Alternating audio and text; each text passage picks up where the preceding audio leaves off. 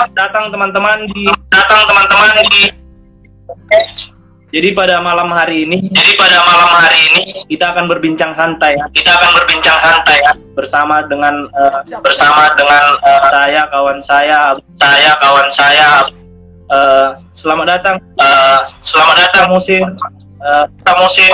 Uh, hari ini kita akan membahas, hari ini kita akan membahas satu pulau ataupun satu pulau ataupun tempat yang ada di provinsi tempat yang ada di provinsi yaitu Enggano yaitu Enggano. Kenapa malam hari ini kita? Kenapa malam hari ini kita Enggano? Karena Enggano karena saya tertarik dengan saya tertarik dengan uh, karena uh, karena uh, abang kita uh, abang kita kita pembicara hari ini kalau kita pembicara hari ini kalau diskusi ini diskusi ini langsung saja ya supaya nggak ber langsung saja ya supaya nggak ber uh, nggak banyak banyak uh, nggak banyak banyak banyak kita mendengar banyak kita mendengar apa teman saya ini.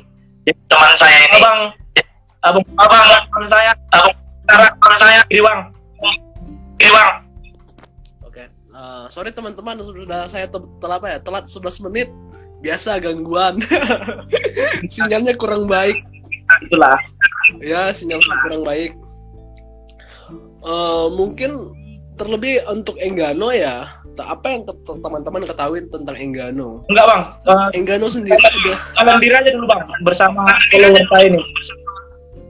Oh, gimana gimana? Sorry suaranya putus-putus bang. Halo halo, cek. Cek cek cek. Uh, coba memperkenalkan diri. Uh, coba memperkenalkan diri. Oh iya oke, okay. sorry sorry. Nama saya Engga, saya salah satu pemuda Enggano pemuda adat Enggano. Saya memiliki Engga Zakaria Sangian Kauno. Kauno itu adalah suku ibu matrilineal. Kalau kami di Pulau Enggano itu mengikuti ibu, kami matrilineal. Sama seperti Padang. Oke, jadi okay. karena itu matrilineal ya, bukan kayak uh, kebanyakan suku yang lain yang matrilineal ya. Ya. Oke, jadi uh, itulah perkenalan singkat dari sahabat saya yang bernama Engga Zakaria. Jadi abang ini berasal dari uh, Enggano itu sendiri, uh, sukunya suku Kauno. Jadi untuk lebih lanjut, lebih banyak kita tahu tentang Enggano, uh, kita akan berbincang dengan abang ini. Yang pertama, yang saya tertarik dengan Enggano, itu kan Pulau Enggano itu pulau tersendiri di Samudra Hindia ya, terletak di, di Samudra Hindia. Dan uh, dan itu masuk ke dalam provinsi Bengkulu. Tapi kalau kita dengar ceritanya, Enggano ini mungkin banyak yang tidak tahu uh, apa artinya sebenarnya Enggano ini, bang. Sebenarnya Pulau Enggano ini okay. apa artinya berasal dari sejarahnya bagaimana namanya itu Enggano yang sangat unik kayak gitu loh. Okay. Untuk nama sendiri Enggano itu adalah nama yang diberikan oleh apa ya lebih tepat berbicaranya? Dari bangsa Portugis dari orang kapal mungkin ya. Dia memberi nama Engano yang berarti kecewa. Jadi sebelum mereka menuju ke Pulau Engano saya kira mereka punya gambaran Engano itu tempat rempah-rempah kah? Atau tempat yang buah kah ketika mereka tiba di Pulau Enggano akhirnya tidak ada apa-apa makanya mereka memberi namanya Engano Oh jadi Engano ini sebenarnya bahasa Portugis ya atau bahasa seperti apa?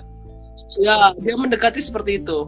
Eng Engano ya? Bahasa Portugis. Engano ya Engano yang artinya kecewa. Nah, jadi kalau untuk hari ini lebih dikenal dengan Enggano. Oh berarti ada perubahan ini mungkin ya perubahan? Ya ada perubahan. Oh jadi gitu teman-teman. Yang pertama informasi ini uh, Enggano itu dulunya adalah Engano yang artinya kecewa itu itu berasal dari uh, kalau nggak salah navigator ya navigator navigator navigator Spanyol yang datang ke Melilla. Bukan, bukan. Ah. Yang menemukannya, yang menemukannya adalah navigator yang menemukan. Belanda. Ya, Cornelius uh, de Hotman itu yang menemukannya pada tahun 9 1596 kalau saya tidak salah. Oh. Tapi menjadi pertanyaan juga, tiga tahun sebelumnya Pulau Enggano telah masuk dalam peta Asia Oh, itu yang menjadi pertanyaan kami sendiri untuk anak-anak Enggano. Siapa sebenarnya yang memasukkan peta Enggano itu ke dalam peta Asia sendiri? Oh, jadi gitu teman-teman ya. Ini menarik sebenarnya. Uh, pada tahun uh, kisaran 1596 Cornelius de Houtman 15 15 ya, 1596 1596 1596 Cornelius de Houtman ya. menemukan satu pulau yang ada di Samudra Hindia Ah, dan dia Ya. dan memberikan nama pulau itu Pulau Engano karena tidak sesuai dengan ekspektasinya eh, pada saat mendatangi pulau tersebut. Mungkin dipikirnya eh, dia akan menemukan rempah-rempah. Karena banyak eh, ekspektasi Indonesia itu adalah Nusantara itu adalah tempat rempah-rempah terbaik di dunia. Sehingga mungkin dia eh, memikirkan pulau itu ada rempah-rempah yang memang bisa untuk eh, didapatkannya. Ternyata tidak sama sekali. Hingga namanya jadi Engano. Dan hari ini kita kenal menjadi Enggano yang artinya kalau dibahasakan seperti bahasa kita artinya eh, pulau yang kecewa. Kecewa kayak gitu loh tipu tipu pulau tipuan atau kecewa. Benar sekali. Ibu dalam kurung kecewa. Mungkin seperti itulah maknanya. Artinya maknanya ini ya kurang baik kayak gitu ya. Iya kurang baik sekali. Kemudian dari penamaan itu bang eh, kita kan sudah mengerti namanya itu Pulau Enggano itu adalah eh, seperti apa perjalanannya? Terus kehidupan di sana seperti apa? Apakah eh, terdiri dari berapa suku? Apakah memang asli orang Enggano itu masih ada? Pendatangnya apakah seperti itu? Coba dijelaskan sedikit tentang kehidupan sosial dan budaya di Enggano. Oke, Enggano itu terdiri dari beberapa suku ya. Enggano memiliki lima suku asli dan satu suku pendatang. Ada Kak Uno, Kak Hua, Kak Ruby, Terus Kak Ruba dan Kaitora. Dan satu suku pendatang yang kita kenal dengan Kamai. Kamai Ya, Kamai itu adalah suku pendatang. Siapa pun orang yang dari luar yang memiliki suku berbeda, ketika masuk ke dalam Enggano, kalau ingin menyamakan hak, dia harus masuk ke dalam suku Kamai itu sendiri. Hmm. Kamai itu adalah suku pendatang. Ya, oh jadi itu teman-teman kehidupan masyarakat. Jadi Enggano ini terdiri dari eh, enam suku, satu suku pendatang, lima suku dari Enggano itu sendiri. Yang suku pendatang, Ya, suku Kamai.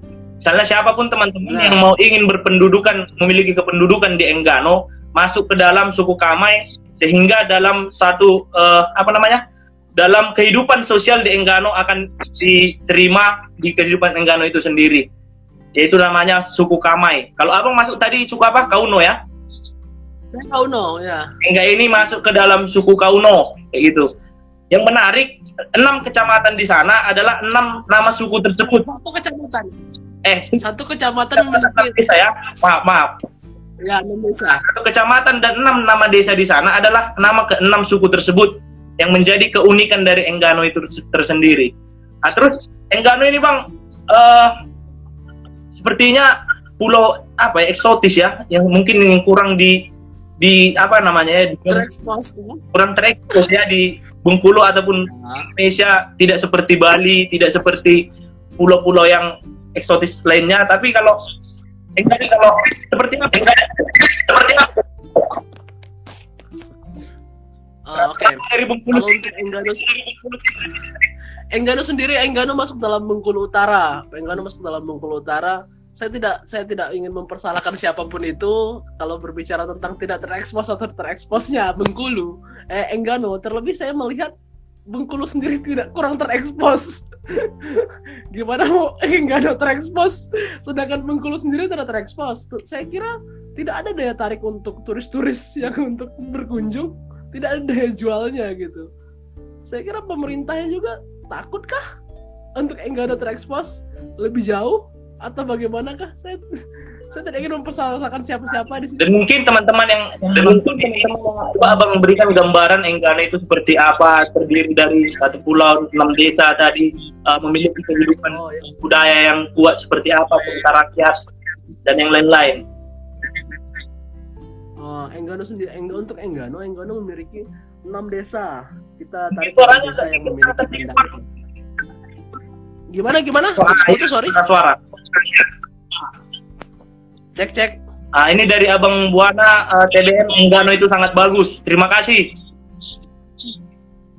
Nah, coba Bang eh, Asli oke. suaranya eh, supaya agak jelas.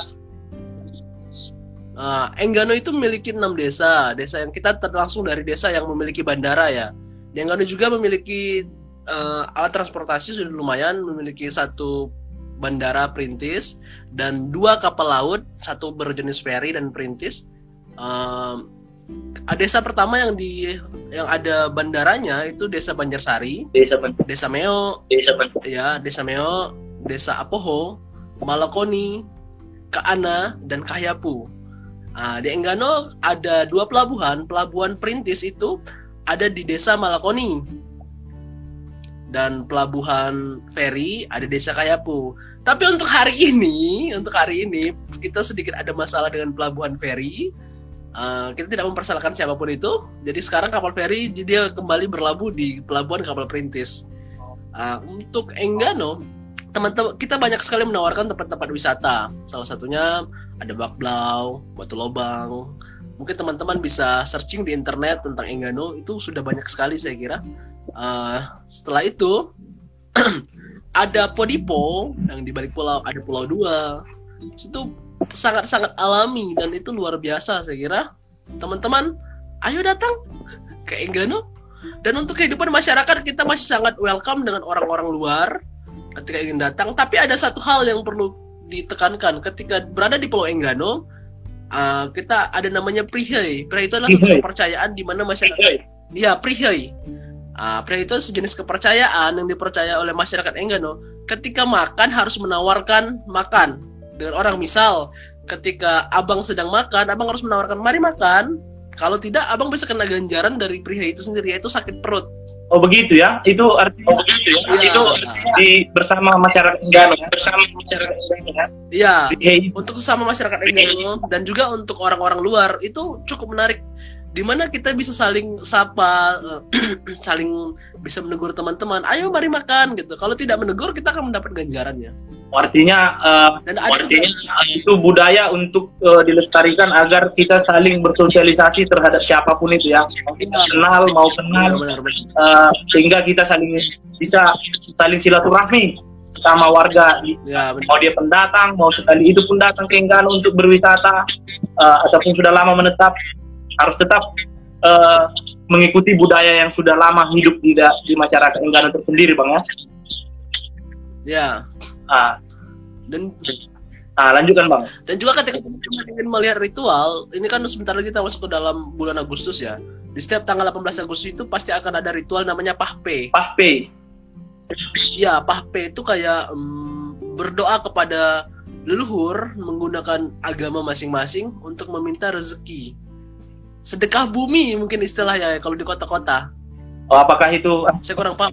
menyembahkan hasil pertanian atau seperti apa hasil bumi Ya, ya kita, kita kita bawa ke tempat ritual itu seperti ubi, ubi-umbian, uh, terus ikan laut, makan makanan asal dari Enggano sendiri. Karena Enggano sebenarnya tidak tidak makan beras. Beras itu baru datang ke Enggano oh sekitar iya. tahun 70-an mungkin seperti itu. sebenarnya Ya. kita Indonesia ini kan kalau kalau belum makan nasi ataupun beras kan kita disebut tidak makan Ya, kenapa bisa gitu biar sudah makan banyak. Kalau tidak makan nasi sudah kenyang. Ya. Enggano kenapa bisa gitu ya nasi tidak menjadi kebutuhan eh, utama Kalau dulu, kalau dulu bang, kalau dulu. Tapi kalau berbicara tentang hari ini, itu sudah kita kembali ke manusia modern akhirnya. oh artinya seperti itu ya Kalau untuk hari ini kita ya sudah makan beras. Kalau makanan pokok asli Enggano itu seperti ubi-ubian, keladi. Oh, sama juga seperti eh, orang-orang umumnya di daerah-daerah Indonesia ya Ya, sama aja umumnya. jagung Dan yang menariknya lagi ketika berbicara tentang Enggano, Enggano yang di dekat dengan apa dengan lautan, Enggano itu masyarakatnya sebenarnya adalah peramu dan pemburu. Oh. Bukan berlayar mereka tidak berlayar. Malah jadi pemburu ya sebenarnya ya.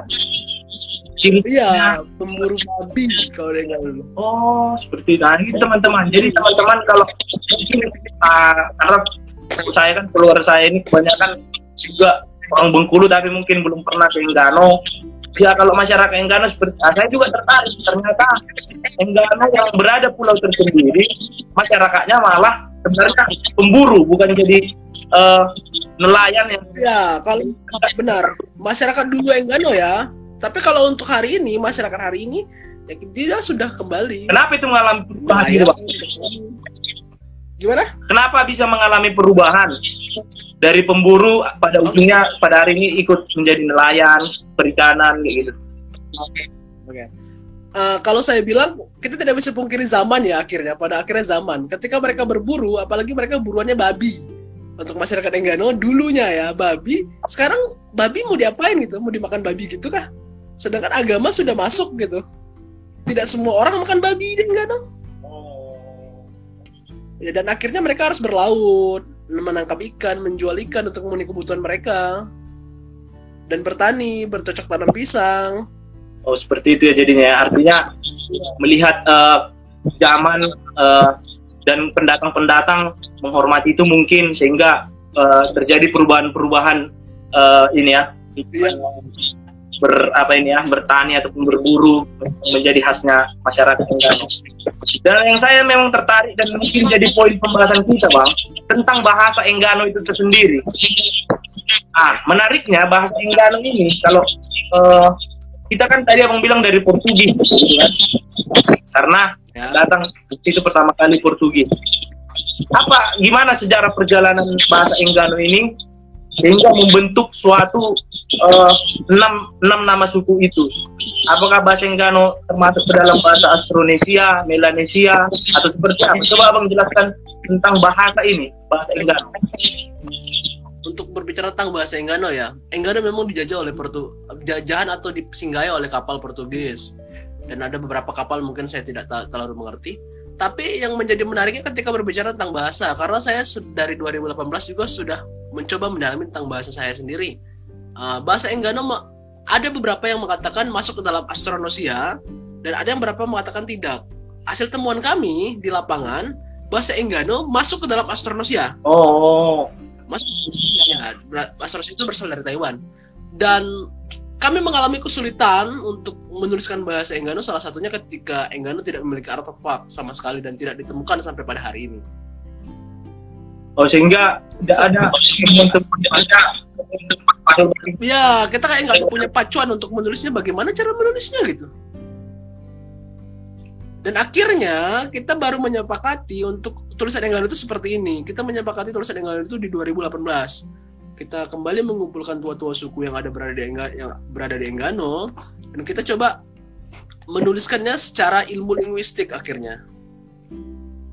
Berarti kalau Indonesia kan terkenal banyak aksaranya, Enggano tidak punya ya? Ya. Enggano tidak memiliki itu. Itu yang sedikit ah, kenapa Enggano tidak memiliki itu gitu nah. Kita tidak menemukan itu di Enggano.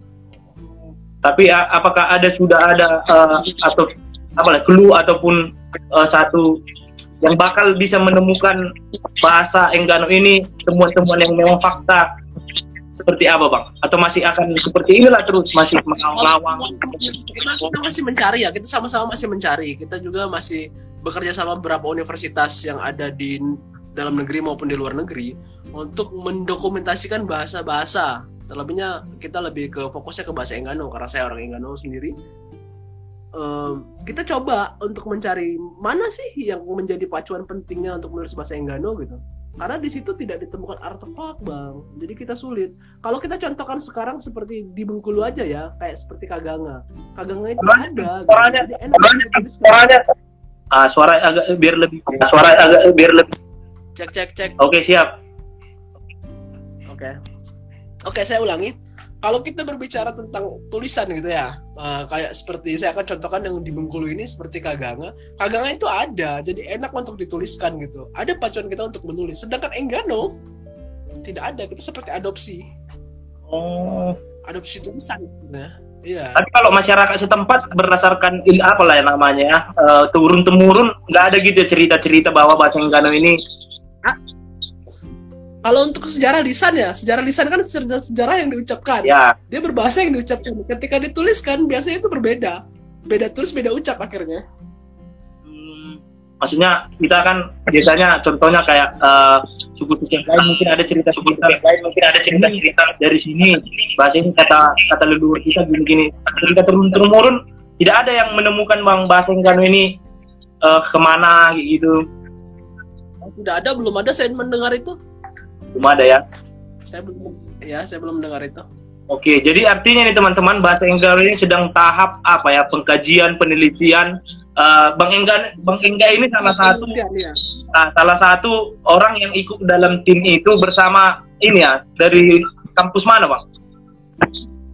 Oh, kita kerjasama sama Oxford University, sama Australia University, sama Universitas Bengkulu. Ah, jadi ada tiga, tiga universitas dalam negeri dan luar negeri yang sedang melakukan penelitian ini yaitu Oxford University, uh, Australia ya, Australia Australia. Australia University dan Universitas Bengkulu sedang melakukan penelitian lah bahasa Enggano ini dan Bang Engga ini adalah salah satu orangnya sehingga informasi yang kita sampaikan ini adalah informasi penelitian, artinya informasi hasil penelitian, hasil pengkajian, hasil temuan yang dilakukan oleh tim.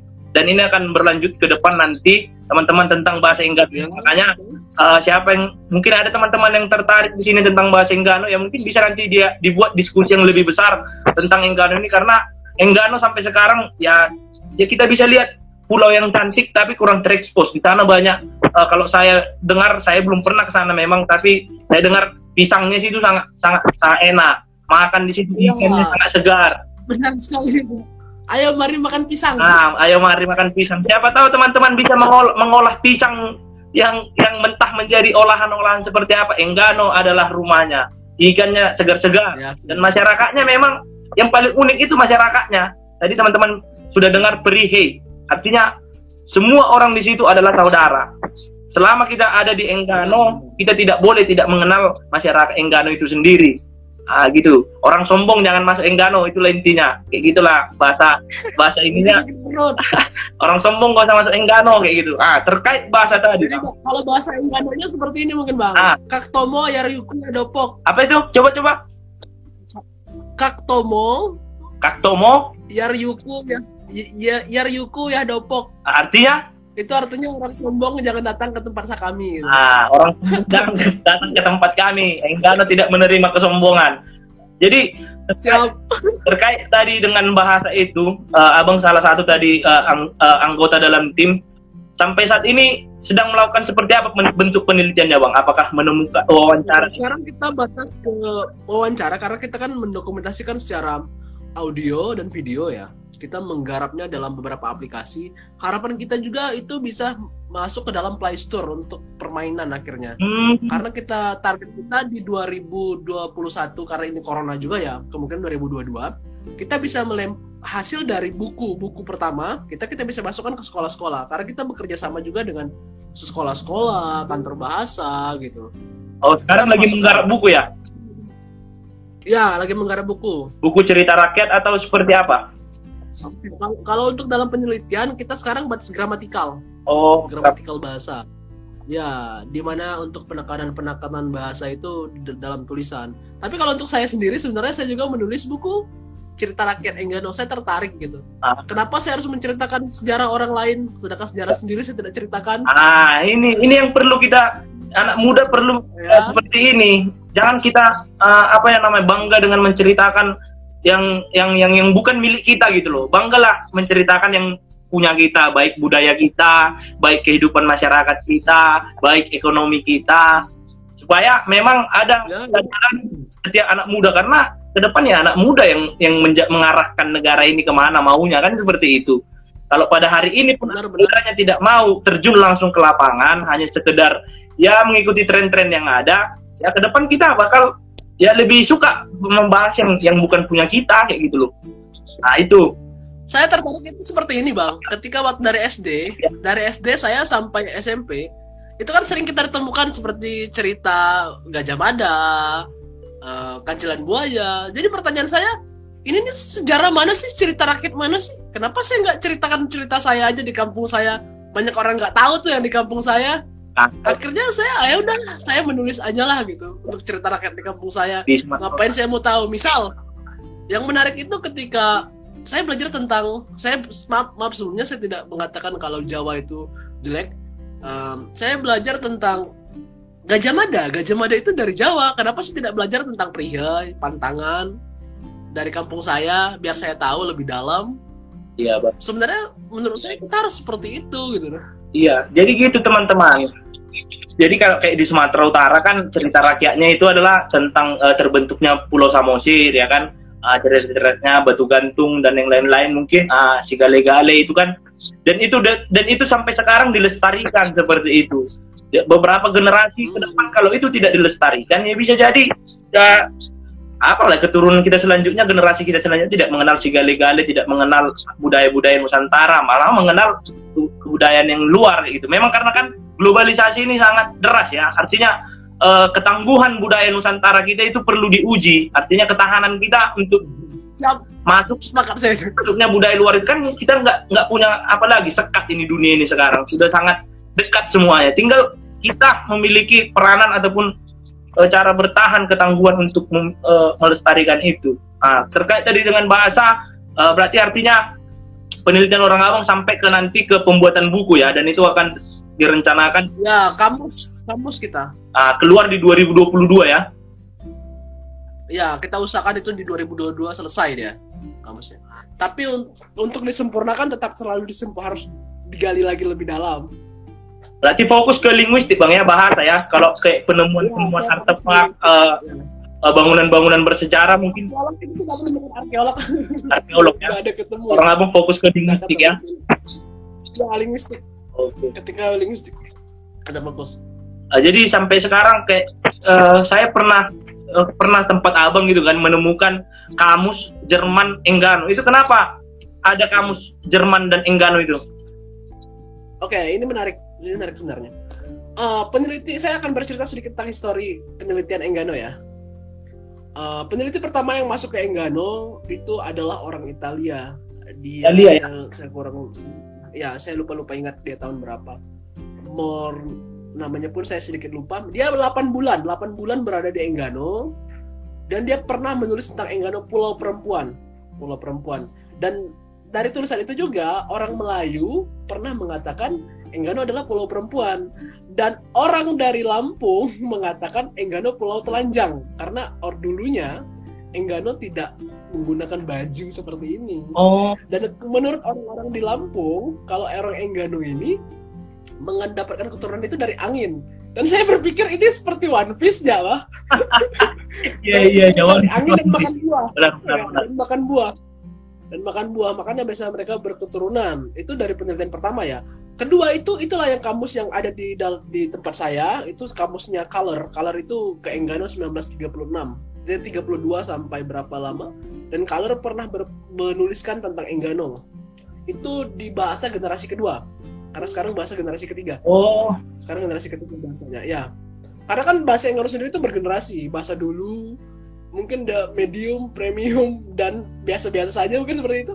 Nah, setelah itu, setelah Color itu ada lagi beberapa peneliti itu di 1992 itu ada namanya Yoder. Yoder, ini berasal dari? Yoder itu dari Amerika. Kalau Color itu dari Jerman. Oke. Okay. And uh, sebelum sorry sorry sorry sebelum uh, Yoder itu ada namanya Ben Lotover. Ben Lotover itu dari Jerman juga itu di 1992. Oh. Nah, setelah itu ya baru Yoder. Yoder itu di 2011 baru Yoder. Yoder 2011 sampai sekarang atau gimana? Ya. Enggak, Yoder berhenti karena yuk mereka para penelitiannya mereka hanya ma mahasiswa yang sedang mengambil tesis ke Enggano. Karena hari ini bahasa Enggano itu sangat unik di dunia menurut mereka. Saya sempat berkomunikasi sekali dengan Yoder, kami cuma chat via email dan dia bilang kalau bahasa Enggano itu menjadi daya tarik yang luar biasa dari akademisi-akademisi dunia dan saya sangat tertarik akhirnya. Oh gitu ya? ini lucu apa ya? Ini menggelikan, lucu atau aneh seperti apa? Sementara akademisi-akademisi dunia di sana sangat tertarik dengan bahasa Enggano. Sementara kita ya, ya. ya kita yang di Bengkulu ataupun di sini kayak biasa-biasa aja gitu loh. Padahal apa yang kita kurang fokus mereka dengan Enggano apa gitu, Fokus aja gitu apa gimana? Apa yang membuat daya tarik itu di akademisi-akademisi dunia itu dengan bahasa Enggano gitu? Karena bahasa Enggano salah satunya dia sangat unik. Tidak, dia mungkin kalau sadar nggak sih dia sering banyak menggunakan kayak hidung gitu, fa fa fa fa gitu. Nasalnya lebih banyak gitu. Dan ketika di tulisannya memang belum ada bahasa Enggano. Dia karena nggak mungkin poin pertama tidak memiliki artefak, kedua dia bahasanya pelafalannya banyak menggunakan hidung mungkin kah? Hampir Dan poin pentingnya dia belum ada dalam tulisan ya. Prancis ya. Banyak kan Taiwan. ya. Bertaiwan ya, Astronesia kan. Oh, jadi dan ya dan setelah itu baru kami kami mulai masuk ke dalam penelitian di 2018. Jadi dari uh, Tapi kalau beberapa beberapa peneliti tadi, Bang, siapa ya, yang mana yang menjadi pintu paling paling apa lah ya, paling mencerahkan dari hasil penelitian bahwa ada loh titik terang bahasa Enggano itu seperti ini ini. Oh, Oke. Dari semuanya itu, karena kita kan sistem penelitian itu salah ketika kita mengulang kembali. Jadi misalnya dalam penelitian hmm, Ben Lotover kita bilang itu salah, mari kita meneliti kembali itu salah, itu nggak benar. Karena penelitian Bener, Bang. Dari kita mengambil semua hasil penelitian. Claudia, coba contohin bahasa Enggano. Ah, coba Bang, contohin dulu bahasa Enggano. Mau bilang apa? Ah, terserah mau bilang apa. Mekemna. Mekemna. Mekemna apa artinya? Terima kasih. Mekemna. Ya, mekemna, mekemna. Mekemna, Claudia Mekemna. Ah, seperti itulah contoh eh, salah satu contoh bahasa Enggano kayak gitu. Ah, lanjutkan Bang. Atau lebih menarik, atau lebih menariknya ukahap heknya. Ah, Ukahap heknya. U, u, kahap, kaham, henyem. henyem. Yang artinya ukah hanya henyem. I love you artinya bang. Oh, Claudia ukah henyem. Ah, seperti itulah salah satu, salah dua ya. Udah dua tadi, salah dua contoh bahasa Enggano. Dan mungkin kalau ada ketertarikan eh, bisa nanti mengikuti memfollow Bang Engga ini sekedar berdiskusi tentang bahasa Enggano seperti apa, dunia Enggano gitu. Dan dalam tiga mungkin ketika kalau teman-teman dengan ke Enggano memang rekomend bulan Agustus ya. Karena tanggal 8 kita teman-teman dapat Ah. untuk ritual adatnya di Pape. Ah, dengar itu. Di tanggal 18 Agustus. Tanggal 18 Agustus itu rekomend untuk Enggano. Tanggal Bisa 18 melihat langsung adalah ritual terbesar yang ada di Enggano. Ah, segeralah pesan dari sekarang tiketnya jadwalnya jadwalkan untuk datang ke Enggano. Bang Engga sebagai tuan rumah siap memfasilitasi apa pun kekurangan kebutuhan kita. Pokoknya kita usahakan lah. Kita lagi menerangkan Bang Engga ini tentang penelitian bahasanya. Oke. Okay. Bagaimana Bang? Ah, tadi dari beberapa peneliti itu di mana letak yang memang memang penemuan itu oh ini apa titik terang lah yang bisa melanjutkan penelitian selanjutnya. Iya. Oke. Okay. Kalau untuk seperti itu, kita nggak mengambil semuanya, Bang. Menurut saya itu sa- salah besar ketika dalam penelitian kita mengulang hasil penelitian. Salah besar. Akhirnya kita mengambil kerjasama. Dari hasil penelitian itu, kita ambil semuanya. Dan kita lihat celahnya di mana. Itu lebih karena eh, si Color ya. Color banyak meneliti tentang Enggano. Ke gramatikal, bahasa Enggano. Ternyata Pak Enggano itu punya gramatikal loh. Seperti penyebutan laki-laki, laki-laki yang sudah berkeluarga dan laki-laki belum berkeluarga itu ada penyebutannya, ada suku katanya. Kami tidak sadar sebenarnya setelah kita mempelajari itu, oh ternyata beda ya antara man, kaman, kapa, pamo itu beda. Di mana laki-laki, perempuan, terus anak balita, anak yang sudah besar itu beda penyebutannya yang kami temukan akhirnya. Oh, dan itu si Dan itu yang kami yang, yang menemukan gramatikal itu tadi siapa? Eh, color, Color. color. Kalau yang si Dan sebelumnya Color tadi yang pertama kali orang Italia itu menemukan apa dia? Paling Oh, di itu dia bilang pulau perempuan. oh pulau perempuan itu Enggano itu pulau perempuan karena alasannya Pulau perempuan, pulau perempuan. kebanyakan Karena mungkin matrilineal. oh Banyak perempuan matrilineal, iya. begitu ya. Nah, gitu. Peneliti pertama Enggano itu namanya eh, orang Italia dan dia menyebut pulau perempuan karena Enggano adalah matrilineal, garis keturunannya matrilineal. Ya. Nah, kalau si eh, Color tadi menemukan gramatikal bahasa Enggano itu, contohnya seperti eh, lelaki yang sudah sudah berumah, berkeluarga, laki-laki yang masih single. Kalau bahasa Inggris kan man, eh, baru apa namanya man. Apalagi kalau cowok kayak gitu kan boy, man, boy. Ah, seperti itulah kira-kira. Kalau terakhir yang 2011 menemukan apa dia, Bang? 2011 dia 2011 itu lebih ke me- melengkapi, melengkapi dari gramatikal itu. Oh, malah melanjutkan yang gramatikalnya ya. Ya, penelitian itu. Tapi belum juga, belum selesai karena sekarang kami juga sedang melanjutkan lagi itu. Iya, karena kan setiap generasi itu berbeda ya akhirnya. Karena untuk bahasa sejarah lisan sendiri, setiap generasi itu pasti berbeda. Makanya sekarang itu kayak kita memiliki harus kuesioner segala macam untuk melakukan penelitian itu kembali, pendokumentasian itu kembali, dan itu sangat butuh proses. Cukup panjang. Tapi narasumber yang uh, tetua tuh tetua di sana cukup membantu nggak kira-kira bang untuk melakukan uh, penelitian ini? tua-tua cukup membantu. Karena cuman mereka lah yang ada lagi Informasi dari sumber ya. dari sejarah ya cuman mereka lagi. Karena mau selain mereka siapa lagi gitu loh? Informasi nggak yang lain nggak ada ya? Contohnya kayak eh, apa lah ya itu arkeolog tadi juga tidak melakukan penelitian di situ ya? Nggak ada belum. Arkeolog mungkin mereka ada pernah melakukan penelitian di Enggano mungkin temuan mereka tentang apa? Belum ada. Belum ada terdengar saya ya tentang arkeolog menemukan sesuatu di Enggano Lipi yang pernah ke Enggano itu. LIPI. Banyak menemukan ya fauna pandemik dan ular-ular apa itu? Saya tidak tahu saya kurang tahu yang jadi ada ini ya eh, faunanya flora dan fauna endemik langsung dari Enggano ya ada ada ada ada beberapa spesies ular yang ditemukan di Enggano dan itu asli endemik Enggano ya Iya, dan tidak ada di tempat lain. Seperti Beo aja ya, Beo itu kan Beo Enggana dengan Beo Nias beda. oh Hmm. berarti selain flora dan dan selain bahasa yang unik flora dan faunanya juga memang Enggano ini masih perlu kita pelajarin kita perlu eksplorasi Ya. apa ya dieksplorasi tapi Kalau dieksploitasi keren itu surga yang tersembunyi mungkin ya. Ah iya, surga tersembunyi. Memang biasanya kalau surga ini harus tersembunyi supaya banyak orang mencari. kalau Kalau dia kalau dia kalau dia sudah terbuka namanya neraka. Iya ya, seperti itu ya. Jadi itu teman-teman. Nanti mungkin diskusi ini akan kita lanjutkan yang lebih apa lagi, yang lebih detail Ya, gitu. Pertanyaan saya mungkin yang terakhir ini bang. Tadi kan eh, melakukan penelitian itu, apakah ada yang terbitkan gitu loh, berbentuk jurnal, berbentuk apa gitu dari pen- peneliti-peneliti tadi supaya teman-teman yang mungkin nonton ini bisa melihat ataupun membaca ada nggak eh, diterbitkan gitu loh jurnal-jurnal atau seperti apa? Jurnal untuk jurnal. Oke. Ah, mungkin teman kalau jurnal saya tidak paham ya. Teman-teman juga bisa mungkin eh, lihat di link penelitian kami di Oxford in Enggano. Oxford, Enggano. oxfordengano.com gitu atau seperti apa?